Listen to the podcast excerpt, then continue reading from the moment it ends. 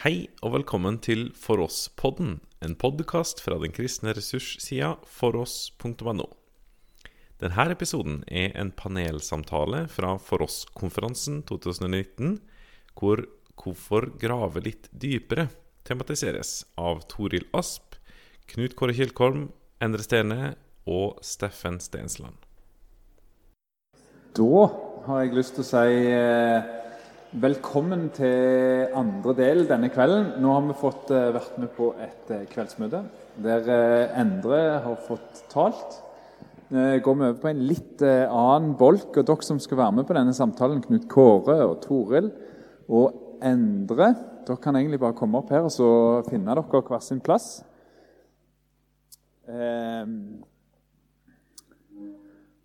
Vi skal, Jeg håper dere ser nokså greit. Det var de høyeste stolene vi fant. Eh, så hvis Endre Han må sikkert puste litt imellom slagene. Endre Takk, Ingvald. Ja, jeg heter Steffen Stensland.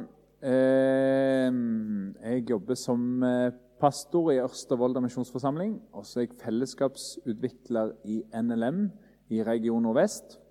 Og så er jeg med i arrangementskomiteen til denne konferansen. Eh, Gift med Ingunn, eh, far til Jakob og Alma Sofie. Og så skal jeg lede en eh, panelsamtale om det å eh, Hvorfor grave litt dypere? Eh, Og jeg har hatt en litt sånn hektisk november, så på en måte, når en virkelig begynner å planlegge denne panelsamtalen Det, det begynte nå i uka, og så litt på vei ned gjennom her, på nattbuss og så sånt. Og så, så tenker jeg hvor- hvorfor grave litt dypere? skal vi snakke om på For oss-konferansen. Jeg tenker Det er litt som å si hvorfor være ute i naturen på ei villmarksmesse. Eh, det er en del sånne svar som en tenker sånn Da eh, Vi er nokså enige om hvorfor grave litt dypere. Men så tror jeg eh, litt sånn som eh, Endre nevnte i talen, på seg sjøl så kjenner en andre en sterk kritikk av det, det utsagnet der. Men så er vi forskjellige. Og, og jeg tror at mange av de av oss som er samla til denne konferansen, vi, vi er på en måte enige om at vi syns det er bra å grave litt dypere. Men jeg tror vi kan ha litt ulike motivasjoner til det. Litt ulike innganger. Erfaringer og roller som gjør at vi, vi, vi har lyst til å grave litt dypere. Så vi stopper opp, og så kan det være at du får en, en litt ny vri fra en av disse på, på hvorfor er det meningsfullt å grave litt dypere.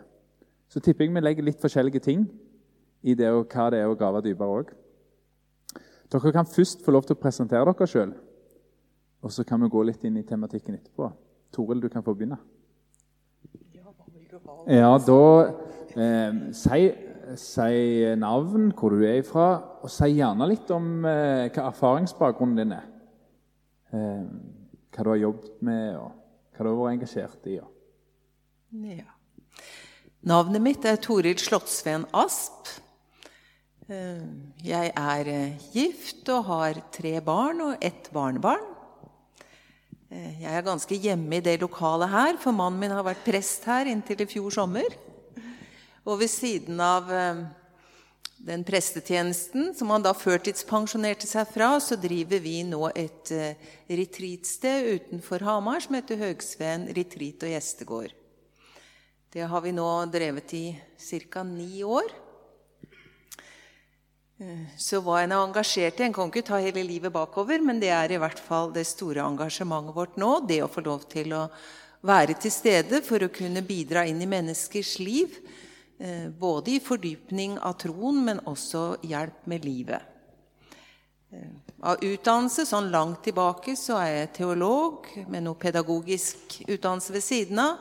Og i de siste åra så har jeg blitt eh, billedterapeut. Så jeg prøver å kombinere disse tingene i den tjenesten vi står i nå. Knut Kåre? Ja, jeg er Knut Kåre Kjerkholm. Eh, Jeg kommer fra Rogaland, Jørpeland, men har bodd i Oslo i 16 år. Knytta til Fjellhaug hele tida. Eh, først som student i fem år, så jeg har vært lærer nå i elleve år faktisk på Fjellhaug. Eh, så I tillegg til å være lærer, eh, som er halve stillingen min, så er jeg det som heter undervisningsleder, med ansvar for studieplaner og portefølje og sette folk i sving i det hele. Ganske mye forskjellig. Så, jeg er liksom spredd litt tynt utover. Eh, ellers har jeg òg eh, engasjement i Fast grunn, som jo et alle har fått i den der goodiebagen sin. Eh, der jeg er redaktør. Har vært det i faktisk jeg tror det sjette året. Eh, Tida går fort. Eh, så der har jeg òg et engasjement. Og så var jeg òg med eh, og stifta for oss. Eh, og skriver og er ennå med på bidragsfronten, la oss si det sånn, da, om jeg ikke er i redaksjonen lenger. Og så er jeg gift og har tre, eh, tre unger. Kom igjen. Sett det der. Endre. Skal jeg si noe mer? Ja, gjør det. Ja, um, hva skal jeg si til det som har sagt i stad? Jeg har jo gått på Fjellhaug, jeg, da. Som Knut Kåre har gått der fire år, så jeg er jo liksom litt sånn kvasiteolog, jeg, da. Ja, ja, det er for at jeg har ikke, jeg har ikke fullført en masteroppgave. Jeg skal gjøre ferdig den nå da, i år. Men jeg gikk der på 90-tallet på Fjellhaug, og så har jeg vært ansatt i NLM i 19 år i ulike stillinger. I Fjordane i, på Vestlandet som krinsleder og barnesekretær, og i Namdal da, som forsamlingsleder. Og nå er jeg altså på Fjellheim i en liten stilling, og så er jeg redaktør i For oss. Merker dere at eh, Endre han sa ikke 'faktisk', mens Knut Kåre han sa 'faktisk'. Så Knut Kåre han er sånn typen som bare det, det, bare putrer og går. Og så plutselig Oi, nå har jeg vært her i elleve år. Faktisk. Eh, eh, eh jeg, jeg, sa vi skulle snakke litt om eh, hvorfor grave litt dypere. Hva, hva, er det, hva, er det, første dere tenker på når dere eh, hvis jeg spør om hvorfor grave litt dypere Når Vi lever i en tid hvor uh, du kan få ganske sånn kjappe punchlines på Twitter. Du kan uh, ha innsikt lett tilgjengelig i en goodiebag. Så hvis du lurer på hva et ord betyr, så er det jo bare å slå opp. Så har du det der. Hvorfor uh, bruke tid på å grave litt dypere? Hva er, dere, hva er det første dere tenker på da? Hva er hensikten med det? Ja, da, da, kan du få begynne, Knut Kåre. Ja, hvorfor, skal jeg, hvor, da, hvorfor jeg skal, vil det, ja. eh, kanskje mest av alt. Og, og Da regner vi med at vi her eh, befinner oss på troens område, og det som handler om Bibelen og, og kristen tro gjør når det gjelder gave grave dypere. Yes. Da er du innenfor rammene. Da er jeg innenfor rammene, ja. det, det, er fint. For min del så er det jo sikkert for at jeg Jeg var denne typen som når, eh, når far hadde besøk av en predikant da jeg var liten Eh, og de satt og snakket med et eller annet djupt teologisk, så jeg, tok jeg fram et Donald-blad og tok det opp sånn for å gjemme at jeg fulgte med. Og så satt jeg bare og slukte alt som ble sagt. Så jeg har vært sånn hele livet. da. Eh, så jeg er sånn, Det går ikke an å eksistere uten å ville grave dypere, liksom. Eh, det er litt sånn jeg er skrudd sammen, da. Og det gjelder ikke minst på, på tru og trua sitt område, det som handler om Og, og særlig det sånn kunnskapstust som driver meg. da. Jeg er veldig, utrolig nysgjerrig. Jeg har lyst til å lære mest mulig om alt. egentlig, Og sliter derfor med å grave lenge nok hver plass, kan vi gjerne si. Mm. Så sa det sånn at uh, det var en som hadde sendt av gårde en av pastorene sine på teologistudiet. Da sa de at det er de, og Så kom han tilbake igjen og så spurte de om de var fornøyde med det. Så sa de at det er, det er ingen som har gravd så djupt og kommet opp igjen så tørre noen gang. Eh, for du, du er jo innenfor gresk og innenfor hebraisk og altså mm. Ja, det er jo fare for at det kan være tørt. Nei, de, det, er jo ikke det, for det er jo kjempegøy. Det, det er jo det som er greiene. da. Ja. Eh, det å utforske et eller annet hebraisk ord eh, er jo kjempegøy. Så, og Det er mange som vet etter hvert av studenter òg at det er veldig spennende. Det eh, kan være utrolig oppbyggelig. Ja. Eh, jeg har innført eh, den grammatiske termen 'oppbyggelativ', som, som, er veldig viktig å, ha med seg i språkstudiet. For det er faktisk ofte veldig oppbyggelig for trua ting som du oppdager i bibeltekstene. Selv en eh, grammatisk form av et verb kan være oppbyggelig. Ja. Ja. Så, så eh, det trenger ikke bli tørt, men jeg, ser faren. Det, det det. Jeg har vært så heldig at jeg har fått uh, ha Knut Kåre som, uh, som lærer. og jeg, Han er innom bi- innenfor denne oppbyggelig Nei, hva du kalte det? Oppbyggelativ. Ja, for det, er- det er noe som har kommet etterpå. Altså, Saken var der tidligere òg, men, eh, men absolutt det at det er oppbyggelig. Toril? Ja, eh, jeg er kanskje litt mer opptatt av hvem som skal grave, jeg. For eh, det er vel gitt at når vi har den, det temaet som vi har nå, så er det da vi som skal grave dypere. Men eh, det er veldig mye av det vi driver med, som kan få meg som subjekt, selv om jeg egentlig tror på Gud som det store subjektet og det handlende.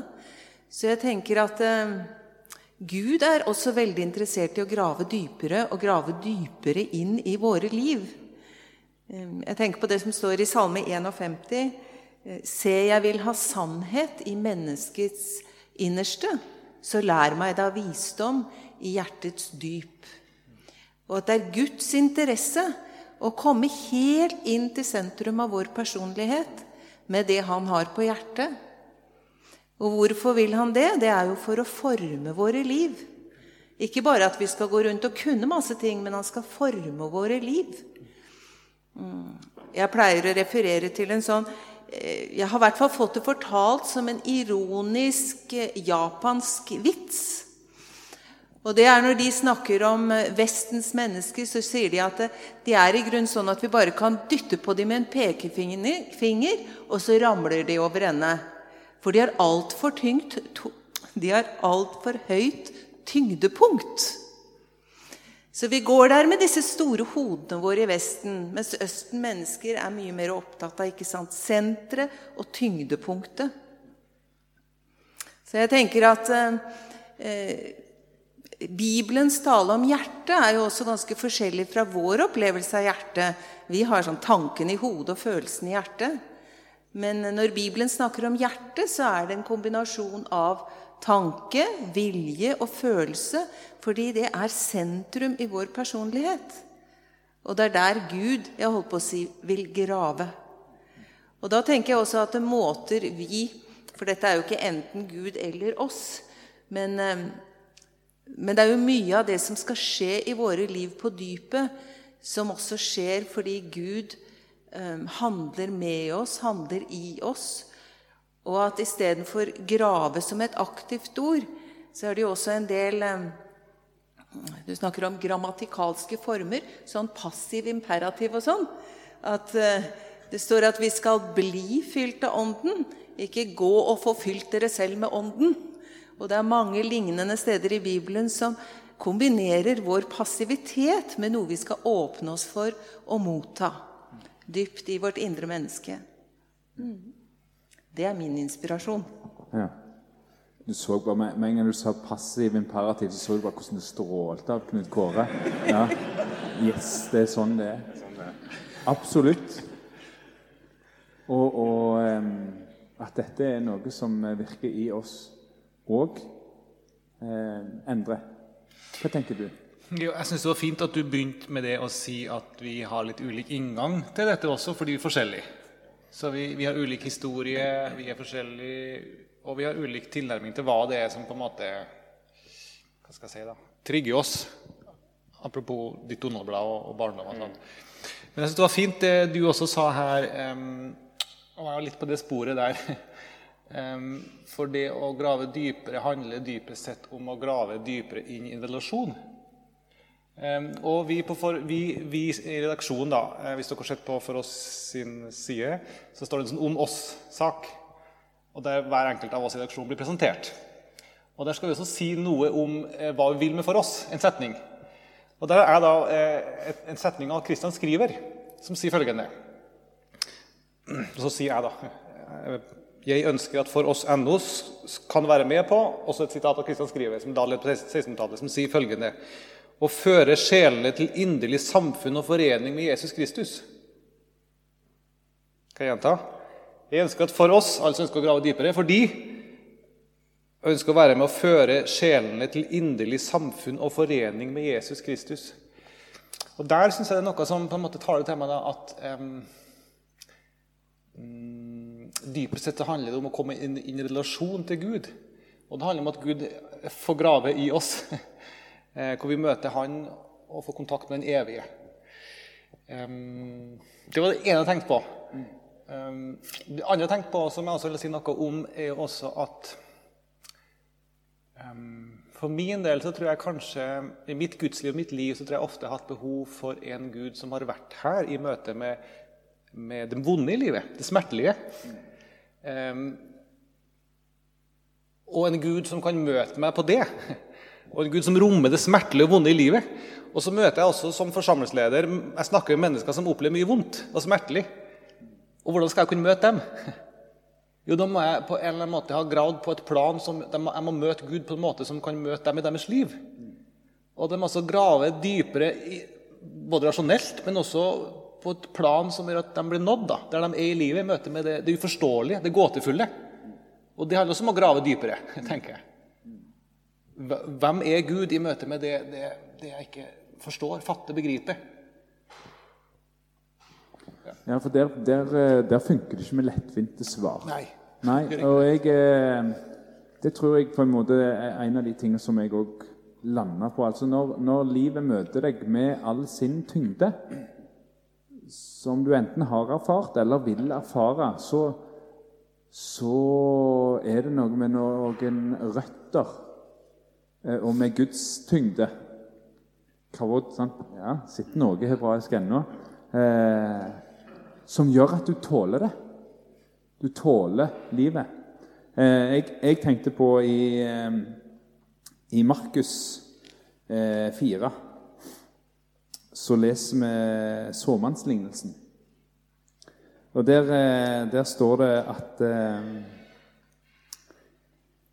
likeens på klingende nynorsk. Jeg jeg, jobber i Volda, så noe annet hadde ikke vært aktuelt. Eh, Likeens de som var sådde på steingrunn. Det er de som tar imot ordet med glede så snart de får høre det. Men de har ingen rot og holder ut bare ei stund. Når de møter motgang eller forfølging for ordets skyld, faller de straks ifra. Um, og det, du, du, var så vidt innom det når du talte, Endre, dette her med dybdene i Gud, og hvordan det kan romme hele livet. Mm. Um, og, og, og, da tenker jeg òg det at det At en har gravd i det ikke bare på en sånn en måte at du har det i ei bok, eller at du har fått kjøpt deg et bibliotek, og at du har det lett tilgjengelig for hånda når det trengs, men at det er noe som du har fått brukt tid på og fått eh, rom i hjertet. Og, og, da lurer jeg litt på eh, Det fins forskjellige måter å grave dypere. Er det noen, eh, noen ting dere tenker er mm, spesielt viktige eh, i vår tid, eller noe dere tenker det, For meg så er det en måte som gir meg mulighet til å grave dypere. Toril? Eh, kan jeg si noe før jeg går inn på akkurat det? det eh, når du snakker om livet og livets smertefulle sider, så vet i hvert fall vi som har vært i ganske mørke landskap, at er du der, så trenger du å snakke med noen som har erfaringen fra lignende områder. Eh, hvis man kommer med, som du sa, for enkle svar, eller kommer med de riktige svarene, så er det på en måte ikke noe å holde seg fast i hvis det ikke kommer fra en dyp erfaring i det landskapet. Og Sånn er det kanskje med relasjonen til Gud òg. At når vi vandrer med Gud gjennom det livet byr oss, og Gud får lov å synke inn dypere og dypere i vårt indre, så bærer vi kanskje med oss en dypere ikke bare kunnskap, men kjennskap til hvem Gud er, og hvordan Gud er til stede i våre liv. Og I forbindelse med det så har jeg tenkt på to-tre to, ord som ikke er helt det samme. Det ene er kunnskap, hvor vi fort tenker, ut fra hvert fall sånn vi snakker om kunnskap i vår kultur, at det er mer og mer informasjon i hodet. Så vi går rundt og bærer på veldig mye eh, som vi kan. Men så er det snakk om noe som heter visdom, og så er det snakk om noe som heter klokskap, som kanskje henger sammen, da. Eh, og hva er det? Og da tenker jeg det er både levd liv og Guds ord som er reflektert over. Og så er vi kanskje kalt til ikke å bli bare eldre. Vokse Jesus vokste i noe, alder og visdom. Eh, faren er jo at vi vokser i alder og ikke tilsvarende i visdom. Men at vi har mulighet til å, å vokse og møte Guds ord og det vi har lært, det vi tar til oss av kunnskap, eh, som noe som synker inn i oss og faktisk gjør oss til klokere mennesker. Skal jeg gå videre på det du spurte om? Ja, det jeg har tenkt på når vi fikk den utfordringen til hvordan skal vi grave dypere, altså hva kan vi gjøre, hva kan hjelpe oss til å komme dypere, så tenker jeg på et vers som står i Judas 20. Men dere, mine kjære, må bygge dere selv opp ved deres høyhellige tro under stadig bønn i Den hellige ånd. Den kombinasjonen av å ta til seg, Guds, ja, ta til seg kunnskap, ta til seg Guds ord, kombinert med bønn. Og Da har jeg lyst til å si litt om noe som er kjent for mange, sikkert, og kanskje mer ukjent for andre. Og Det er jo en eldgammel tradisjon i Kirkens liv, lectio divina åndelig lesning. Og Der kunne vi jo hatt eh, både én og flere bibeltimer om bare det, så jeg må jo bare komme med helt sånn overskrift. Men eh, det var jo en måte å ta til seg Guds ord på, hvor man tok tid til å la det synke inn og grunne på det, og at det hang da sammen med bønnen. Så hvis man skal ta de latinske ordene, som jeg også syns klinger veldig fint, så består det av lektio, som er lesningen, så meditatio, som er grunningen på ordet. Så er det oratio, som er eh, pratingen, altså min samtale med Gud ut fra det jeg møter i teksten. Og så er det contemplatio, som blir den stille, hvilende Gud som avrunder denne enten studiestunden eller bønnestunden. Det kan sies med enklere uttrykk, som passer mer kanskje i vår tid. Og det er én hva sier teksten? Og Der er det plass for både jobbing og det å lytte, lytte seg innover, men ta til seg annen kunnskap også. Det neste hva sier teksten meg? Og så begynner jeg å kjenne etter hva treffer meg i denne teksten inn i mitt liv. Og det neste hva sier jeg til Herren ut fra det jeg ble møtt av nå? Og det siste, som da var contemplatio, kan bli litt mer rettet videre mot livet. Hva sier teksten inn i den livssituasjonen jeg står i og er en del av nå? Ehm, det dette gjør, er at det hele tiden fordyper innsikten vår, men den kobler den til livet, og den kobler den til bønnen og den nære relasjonen med Gud. Og For å ta med ett ord til, og det er sakte. Det foregår ingen vekst som ikke er sakte. Og når vi skal ha jordbærene store og flotte på et blunk, så mister de både næring og smak. Og jeg tror at faren for det, når vi får for mye inn, for det skal gå for fort og effektivt, det meste i våre liv, så mister vi noe av disse sakte vekstprosessene som går i dypet. Jeg var på en billedterapikonferanse i Europa sånn for hele verden. Der var det også noen fra Japan. Og De hadde en framføring av noe som gikk veldig sakte. Og jeg holdt på å ikke klare å sitte der, for jeg ble så frustrert. Og Så meldte jeg meg på et seminar som jeg syntes virket veldig interessant. Og så var det med disse to japanerne. Og det hadde jeg ikke skjønt. Og det vi skulle gjøre, var at vi fikk mange ulike bevegelser som skulle gå sakte. Og du får dem ikke til å gå sakte nok. Dette kan du prøve deg på når du kommer hjem. altså. Hvor sakte klarer du å få armen herfra til dit og få åpnet den opp? Eh, det er til å bli sprø av. Men når vi hadde holdt på en stund, og tempoet inni meg begynte å roe seg ned Når vi var ferdig med dette her, så var det akkurat som jeg var samla i kroppen min. Og jeg var samla i sinnet og kjente en helt annen tyngde i kroppen. Og denne Lectio Divina er jo også sånn at vi leser og går inn og grunner på det sakte og sakte for at det virkelig kan få tid og rom og synke inn i vår kropp og vårt sinn. Hvis det er noen av dere som klarer å fylle opp den Ja?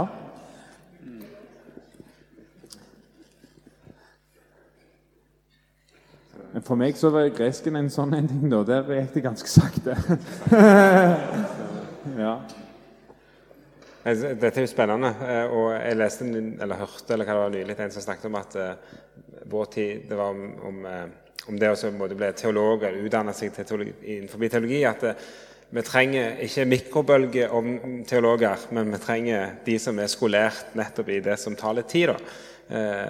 For, nettopp fordi at det, er noe med å være en motvekt imot de lettvinte ideene og Eh, slagordene og, og punchlinene som, som preger, preger, vår tid. Eh, og Ja, altså så det, det, er jo det når du, når du tar til deg kunnskap og du, du jobber med forskjellige ting, så, så, er det jo at en, alt skal gå så fort. Men, men det å de, gå inn i noe som, som, som, er noe så frustrerende som litt tungtfordøyelig eh, stoff, eh, har en enorm dannende effekt. Eh, og eh, det er noe av det som, som jeg ofte foretrekker og jeg skal henvise folk til eh, hvis de har lyst til å jobbe med teologi, i alle fall. Eh, så er det en, det som finnes noe som er la oss si, på en måte tungt nok. Altså, det, noe som tar litt tid, og som krever litt eh, ettertanke. og og klart, Bibelen er jo selvfølgelig nummer én på den fronten. Eh, men i tillegg så, så har du òg eh, det å være litt eh, smart i, i, valg av, av, litteratur som jeg leser, for å ha noe som utfordrer tilstrekkelig. Og, og, Da trenger det ikke alltid være at det trenger, trenger være så grusomt komplisert, men det er bare at det, det, det gjør at du tempoet må litt ned, og en, en må, dette må, må tygges litt. Eh, langsomt, sakte, for at det skal eh, det, det, bare er sånn det er skrevet og bygd opp. da. Eh, og det, det, er jo noe som, som stritter imot sant, alle lemmer i sånn som alt rundt oss er innretta, og, og, eh, måten vi mottar impulser på. og alt sånt, at det, eh, Vi trenger på en måte rett og slett å bryte med det. Det er jo så brutalt som det. Eh, og, og det tror jeg alle som er her, vet akkurat hva det betyr. Eh, den korte tilfredsstillelsen som en telefon og et sveip og Internett gir, eh, det sløver ikke sant? mer og mer hjernen. Eh, og evnen til å ta ting sakte og ta ting til seg og tenke lange tanker. Og Derfor krever det faktisk en, en skikkelig motstrømsoperasjon fra vår sida for å bryte det, det mønsteret. Kjempevanskelig. Men eh, da er det nettopp Hvor lang tid kan du bruke eh, for at det gjør noe med deg? Mm. Jeg tror Dette tror jeg er superviktig. For Du sa noe om hvordan skal vi grave dypere i vår tid. sa du. Jeg tror dette er noe av det viktigste vi kan si om akkurat dette. For vi lever i en tid som sannsynligvis vil jeg tro altså Jeg tror aldri noensinne i historien har vært en tid med så mye som skal inn i huet vårt. Selvfølgelig har det ikke det. Så vi lever en helt eksepsjonelt spesiell tid. Aldri noensinne har det vært så mye som skulle inn i huet vårt hele tida. Ikke 24-7, da, for vi sover jo, men bortsett fra da. Så det er helt noe som skal inn hele tida. Og det blir avbrudd og avbrudd avbrudd på tankene våre hele tida. Det, det, dette har ikke vært et, et, problem før i historien, før hos oss. Nå. Og det blir, det blir verre og verre. og, og Og hjerneforskere sier jo hvordan dette degenererer hjernen vår. De sier jo det. Jeg leste senest her i Aftenposten for noen dager siden eh, om noen som sa om hvordan, hvordan de opplever at Det var en, en, forfatter tror jeg, som sa at tidligere så kunne jeg lese mye bøker. sa han. Kunne lese en hel bok, sa han. Men nå klarer jeg ikke lenger. Eller det var et tidspunkt han skjønte at dette klarer jeg ikke lenger. Fordi han har blitt så vant til å hele tida avbrudd. Så han makta ikke lenger å tenke lange tanker og lese en hel bok. Så han måtte bare kutte ut liksom smarttelefonen og stenge av for å begynne igjen å klare å lese en hel bok. Så dette er jo ikke bare vi som opplever, men, men det er tenker, et problem for menneskeheten i vår tid. og vi blir, vi blir liksom, Hjernen vår blir dårligere og vi blir dummere, og vi klarer ikke å tenke lenge, lange tanker. Og det får konsekvenser for gudstid, selvfølgelig, for, vi, for, det krever ikke minst stillhet og, lytt, og lytting. Så jeg tror Dette tror jeg er noe vi må snakke om i kristne fellesskapet. Hvordan, hvordan får vi hjelp til faktisk å stenge av og, og kutte ut? Jeg trenger hjelp til det. Jeg sitter ikke her og fremstiller meg som helt på dette. Jeg strever med det sjøl i mitt eget liv. For det er så fryktelig lett. Og når du får motstand å, å, sitte bare og jobbe, og det er så vanskelig å jobbe, å, eller sitte og lese å, det er så vanskelig, så, litt sant, så får du et motstand, så bare, bare så stikke av for å få noe enkelt. Men det er en dårlig vei for oss. Det ødelegger vårt, eh, vårt sjelsliv som menneske og vårt gudsliv. Mm. Så jeg tror vi trenger å snakke og hjelpe hverandre, oppmuntre hverandre til å rett og slett eh, tenke langsomt og være stillhet. Du snakka om at det har ikke skjedd før at vi har fått så mange impulser. Jeg hørte noen sa at eh, mennesket i dag får like mange impulser i løpet av én dag som antikkens mennesker fikk gjennom et helt liv. Wow. Da snakker vi. Jeg er jo ble enda dårligere. Jeg leste jo bare ingressen til den artikkelen som han sikta til. Sant? Eh, og bare leste at eh, han, eh, han, han sto opp og, og, gikk på do om natta, og så sjekket han Twitter, og jeg bare Ja, ikke det normalt. Så jeg òg ble litt truffen av den, da. Jeg har to ting som jeg tenker på. Det er litt det dere har vært innom. Jeg, jeg har lest ei bok om bønn. Tim Keller har skrevet en bok som heter Bomba. uh, 'Prayer'. Um, og der snakker han om det å, å be hvor han, han, han, han vil ikke han, vil ikke han, snakker om det som å være i et møte med Gud. Men han, har ikke lyst til, han liker ikke den tanken på at det skal løsrives fra Bibelen.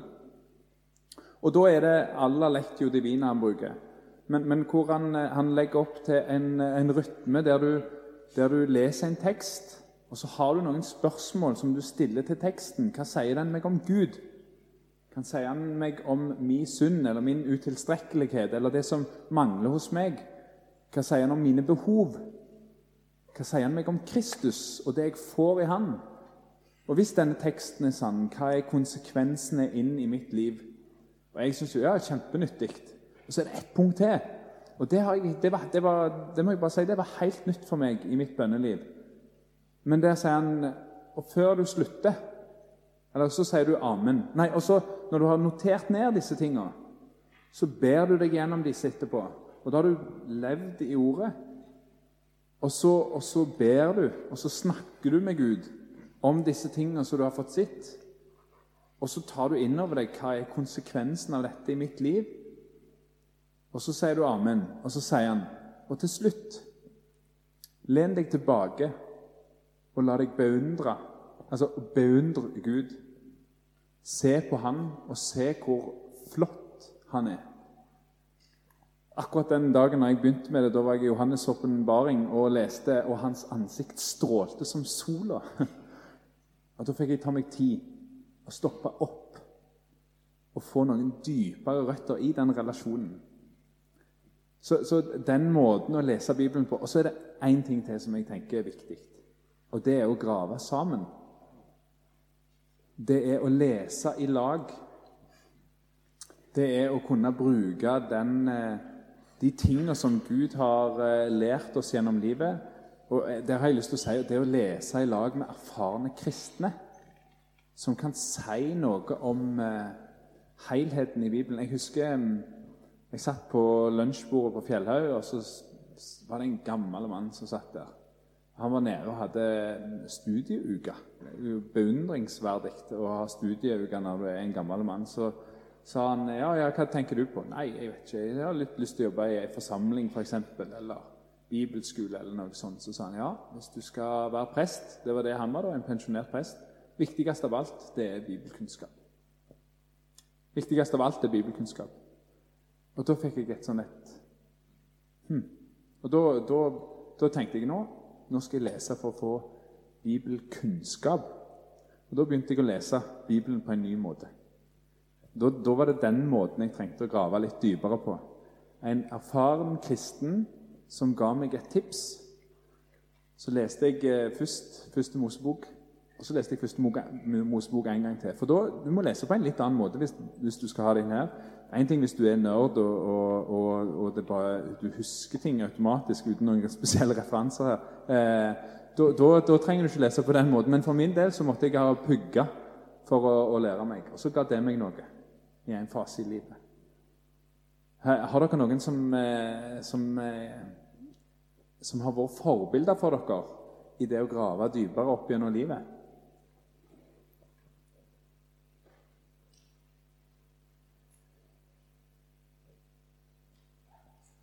Det er dem som skal begynne.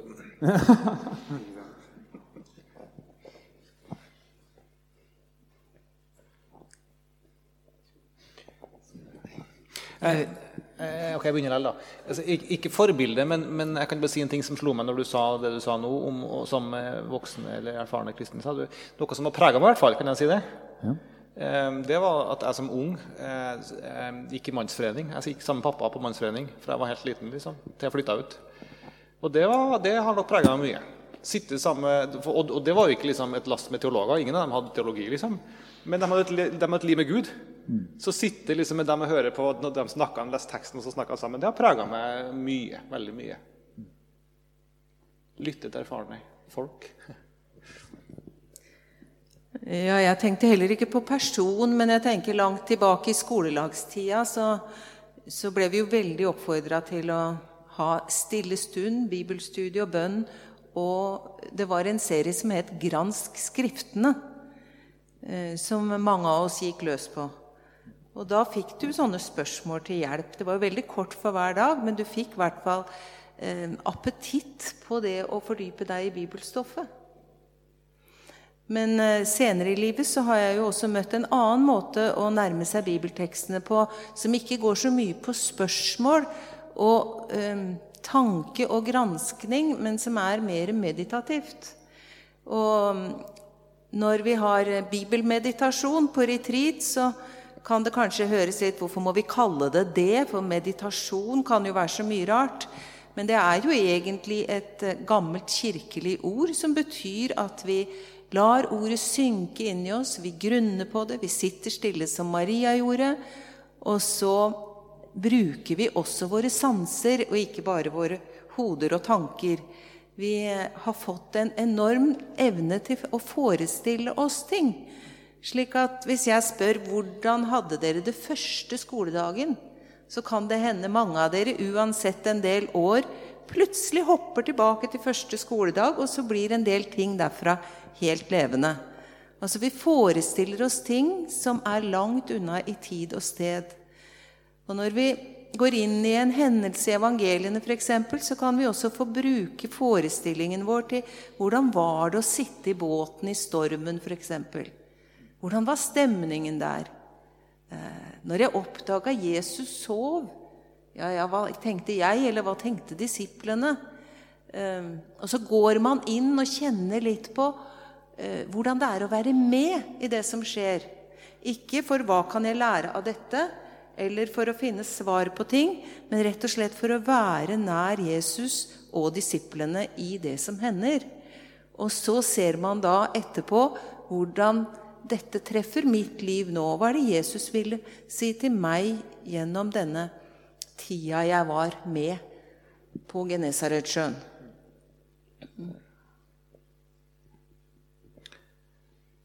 Jeg tenker kanskje at um, Ulike tider i livet har kanskje så ulike behov, kanskje, som du er litt innpå. Du hadde en periode hvor du hadde behov for liksom, masselesning. Jeg har nok, jeg har nok kanskje mm, tidligere lest kanskje mye, liksom. Eh, og det, og det er jo grave dypere, det er jo fantastisk spennende å se sammenhenger i Bibelen. det er jo utrolig, utrolig flott. Fascinerende hvordan ting henger sammen. hvordan ting liksom blir klarere og klarere, jo, jo, mer kunnskap du får. Og det er en måte liksom, å nærme seg Bibelen på. Den andre er jo mer den, den meditative, som jeg kanskje har blitt mer glad i med årene. med det å, å lese på nytt og på nytt. Jeg husker jeg leste Jakobs brev. Jeg har lest den på nytt og på nytt og på nytt. og på nytt. Mange ganger. liksom. Ikke bare liksom én dag, men, men liksom flere uker. liksom. Oi, Da begynner jeg liksom å skjønne Wow! Da begynner boka å åpne seg opp. Men da må du, da må du liksom være litt intens på det. Nå skal jeg lese denne boka og lese og lese. Og lese, og da liksom bare oppleve at oi, her var det noe jeg ikke har sett før. En ny verden.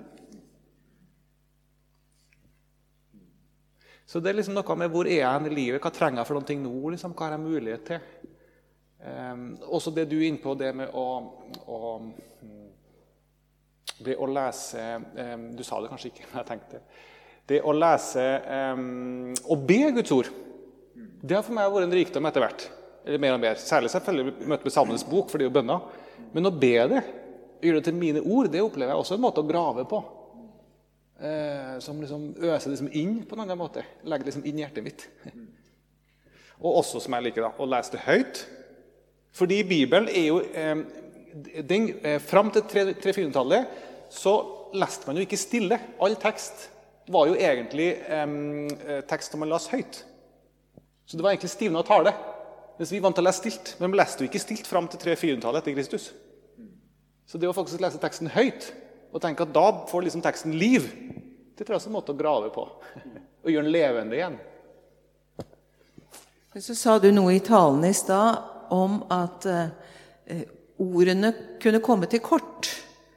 Eh, jeg husker ikke hvordan du uttrykte det, men i hvert fall var det noe med at ordene våre rekker ikke langt nok. Og da tenker jeg kanskje det sterkeste språket vi har, er stillheten. Eh, og så hender det når vi går inn i stillheten eh, Eller vi, vi, kjemper oss vår vei inn i stillheten, så, så, så, er det ikke jeg som gjør så mye mer. Men da får jeg heller kanskje ikke opplevelsen at jeg verken graver eller tilegner meg eller gjør noe som helst. Men det å tørre å sette seg ned i stillheten og vite at Herren er her, og det er det som er det viktigste. Og så legger jeg alt annet bort og er stille sammen med Han. Eh, det er en annen form for graving, men jeg tror noen ganger at den også kan bidra til at ting går enda dypere. Eh, men det man opplever hvis man ikke er så vant til å f.eks. sette av en halvtime til stillhet, det er jo at man blir absolutt ikke stille når man skal være stille. Det hender jeg ved begynnelsen av en retreat setter i gang en sånn gammeldags bitte liten snurrbass på bordet. Og så sitter vi stille og ser på den inntil den er ferdig med å snurre. Det tar veldig lang tid. Og jeg tror at vi er så wind up eh, at for oss å stilne, det må liksom ta tid. Fordi at det går i hundre inn, inn, kanskje enda mer i hundre når vi lar kroppen bli stille. Så vi må på en måte være villige til å, å gi oss tid. Det hender jeg setter av en halvtime og sier nå sitter jeg her hos deg, Jesus. Denne halvtimen er din. Og jeg er urolig i 29 minutter, og så blir det ett minutt med en stillhet til slutt. Og det er verdt det. Men det er en kamp å komme inn i den form for stillhet. da. Så tenker jeg det er en ting som ikke har vært innom. Men eh, hvorfor grave litt dypere? Mm, når jeg eh, gikk på videregående, så, så tenkte jeg eh, Mon om de bløffer? Mon om de bare bløffer, disse forkynnerne? Disse lederne, disse kristne lederne. Tenk hvis de på en måte har bare svevd av gårde på livsløgn så lenge at nå våger de ikke å gå tilbake igjen. Det er ingen vei tilbake, men så egentlig så er det bare bløff. Og så springer de rundt og snakker om dette ennå. Fordi det er jo tross alt hele karrieren deres og alt sammen. Så kan tro Knut Kåre fikk eh, bli grilla når jeg gikk på Fjellhaug, for å sjekke om han bløfte. Og, og, det er noe som jeg tenker er en grunn til å grave dypere. For å ha troverdighet. For å ha troverdighet i møte med et samfunn som eh, ikke har problemer med å kritisere. Eh, ikke, ikke, bare for å ha, men for å være troverdige. Gud tåler å bli granska. og da å kunne svare noen, eller å kunne lytte til noen Det å ha gravd ei stund da, det er noe som kan gjøre oss eh, troverdige i tru og i tjeneste. Og det tenker jeg ikke bare om en tjeneste som er en fulltidstjeneste, men i samtale med mennesker som ikke tror. Når de opplever at dette er noe du har granska, dette er noe du har gravd i, så står det seg eh, i møte med mennesker. Jeg tror vi skal runde av der. Og så eh, skal vi be i lag.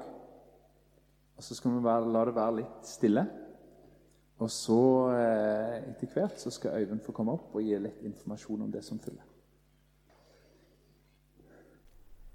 Du har nå hørt en panelsamtale om hvorfor grave litt dypere fra For oss-konferansen 2019. Finn flere ressurser, og vær gjerne med å støtte oss på foross.no.